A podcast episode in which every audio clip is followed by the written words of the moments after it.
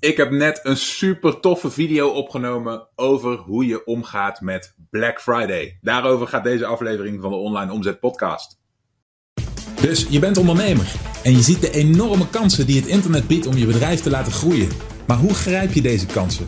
Wat moet jij doen om in de online wereld je bereik, impact en je resultaten te laten groeien? Mijn naam is Michiel Kremers en in deze podcast neem ik je mee achter de schermen in een modern, hardgroeiend online bedrijf en ontdek jij het antwoord op de vraag: hoe worden kleine ondernemers groot? Hallo, mijn naam is Michiel Kremers en welkom wederom bij een nieuwe aflevering van de Online Omzet Podcast.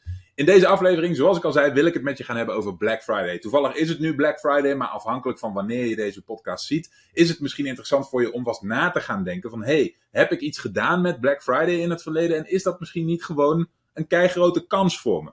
Als je bij jezelf denkt, ja, dat zou ik willen doen, dan is wat ik in deze video voor je heb opgenomen heel erg relevant voor je. Ik bespreek hierin namelijk met een aantal van mijn eigen deelnemers hoe je een Black Friday uh, actie precies opbouwt en waarom. Vooral wat de achterliggende gedachte is en waarom die zo goed werken. Maar dan moet je wel rekening houden met een aantal hele belangrijke dingen. Dus laten we snel gaan kijken. Dat gezegd hebbende, vandaag, zoals ik al zei, wil ik het hebben over iets heel actueels. Je ziet, ik doe het even zonder whiteboard vandaag, want het is. Uh, eerder een, een, stukje uitleg dan iets waar ik een, een, kunstwerk van hoef te maken. Het gaat namelijk over Black Friday. Jawel, jawel, jawel. Het is zover vandaag, is dat uh, gaande. Wie van jullie heeft daar iets mee gedaan?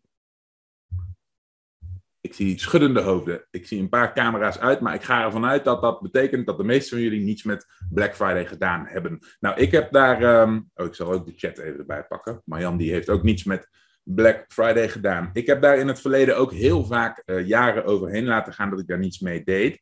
Uh, vandaag wil ik het hebben over wat ik er dit jaar zelf wel mee heb gedaan en wat vanuit een marketingperspectief de reden is om dat te doen. Oké, laat me daarmee beginnen. Um, Black Friday is natuurlijk van origine hartstikke Amerikaans. Het is niet per se gericht op de Nederlandse markt. Maar sinds het is overgewaaid, is de manier waarop het, uh, waarop het aanslaat, de reden dat zoveel mensen er gevoelig voor zijn, is wel, um, is wel eigenlijk exact hetzelfde. En waar wij gebruik van kunnen maken op zo'n moment is niet zozeer het aanbieden van onze maximale waarde, onze meest geweldige producten, uh, alles wat we te bieden hebben of wat we gedurende de jaren hebben ontwikkeld voor heel weinig geld. Nee, het hele idee gaat een heel klein beetje verder dan dat. Het is namelijk zo dat gedurende het voeren van je marketing je heel erg veel mensen bereikt. En ook heel erg veel verschillende mensen bereikt. En een gedeelte van die, uh, van die mensen valt heel specifiek binnen jouw doelgroep, hebben heel veel interesse in precies wat jij doet.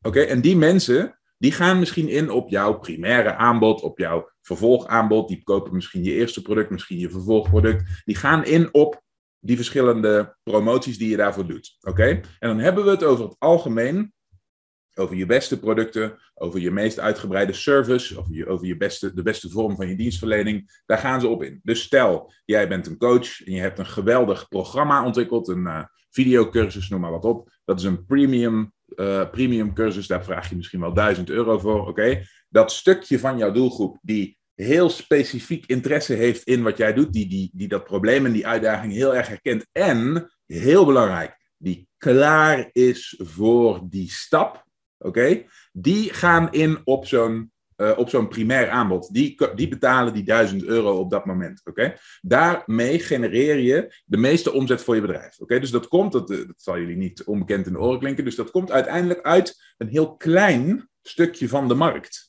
Oké? Het is die hele specifieke, zeg maar, ideale klant, die bereid is om een goede prijs te betalen voor wat jij te bieden hebt, oké? Die zorgt voor het leeuwendeel van je omzet. Maar je bereikt veel en veel en veel meer mensen dan alleen dat hele kleine flinterdunne stukje van die markt.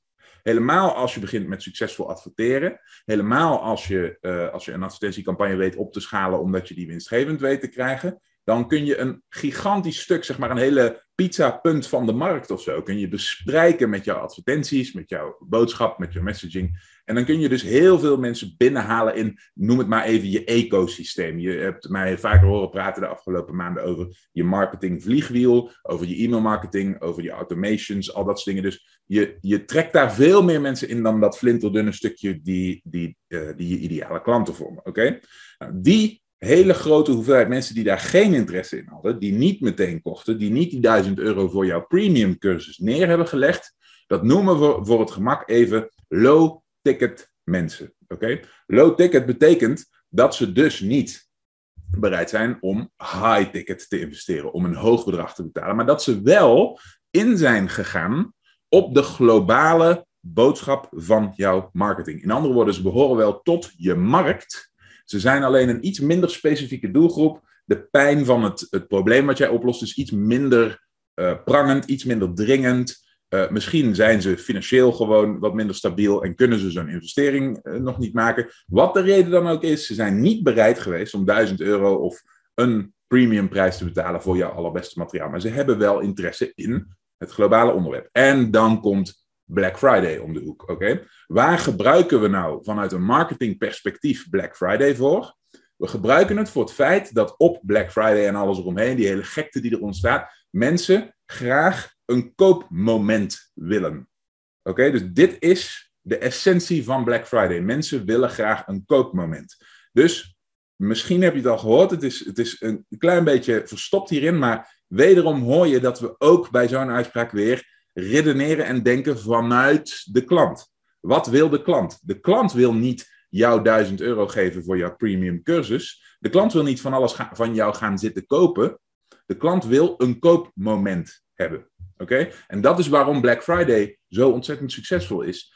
Uh, bedrijven, winkels, uh, aanbieders verlagen hun prijzen tot op een punt dat iemand met een, een, een bepaald vast budget daar twee, drie, vier keer zoveel koopmomenten mee binnenkrijgt. En mensen zijn steeds meer verslaafd aan dat koopmoment. Ze willen graag dat gevoel hebben van nieuwigheid, van verandering.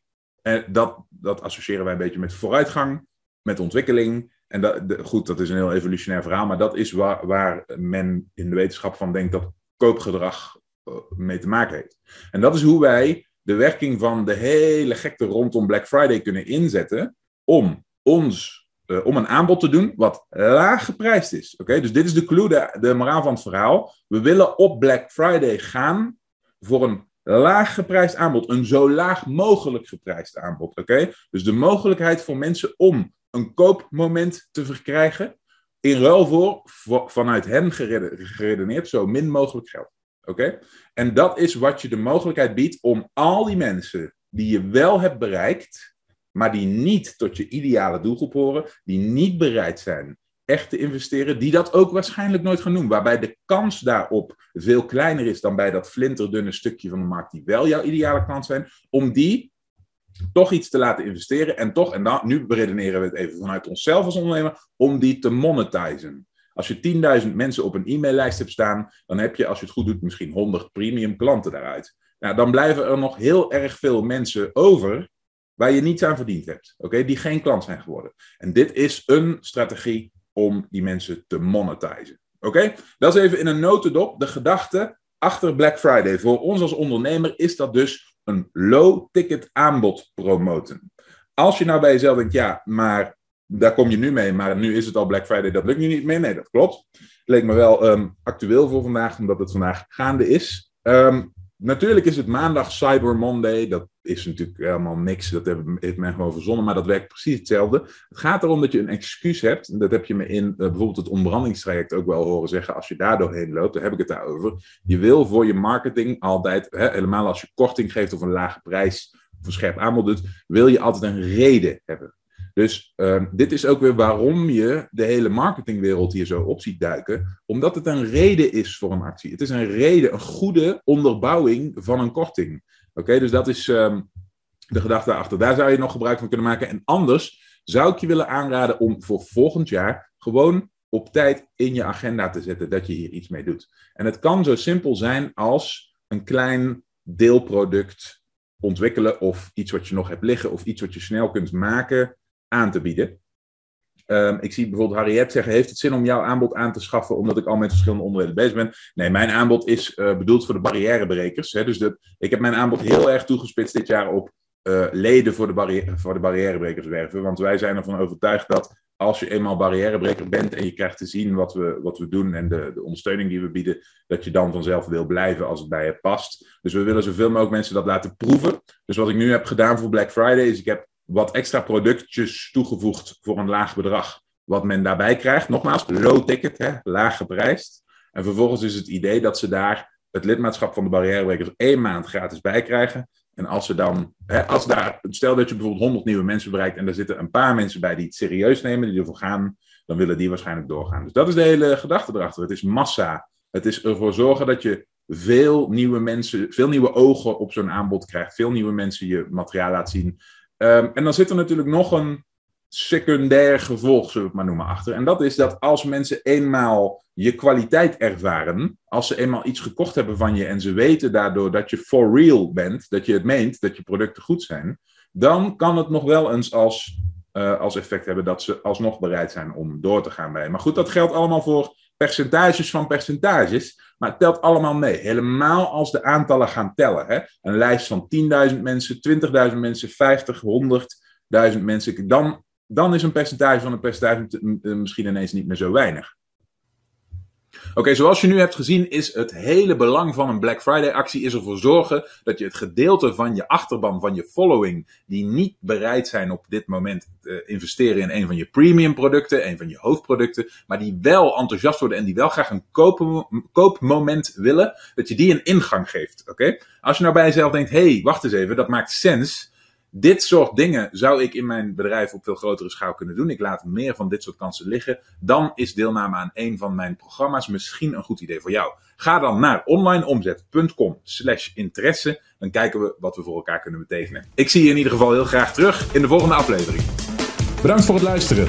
Heb je iets aan deze aflevering gehad of heb je een vraag? Laat het me weten via de comments. En vergeet niet te abonneren. Dan blijf je op de hoogte van alle tips en strategieën waarmee jij als moderne ondernemer groot kunt worden. Voor een overzicht van alle afleveringen ga je naar onlineomzet.com/podcast.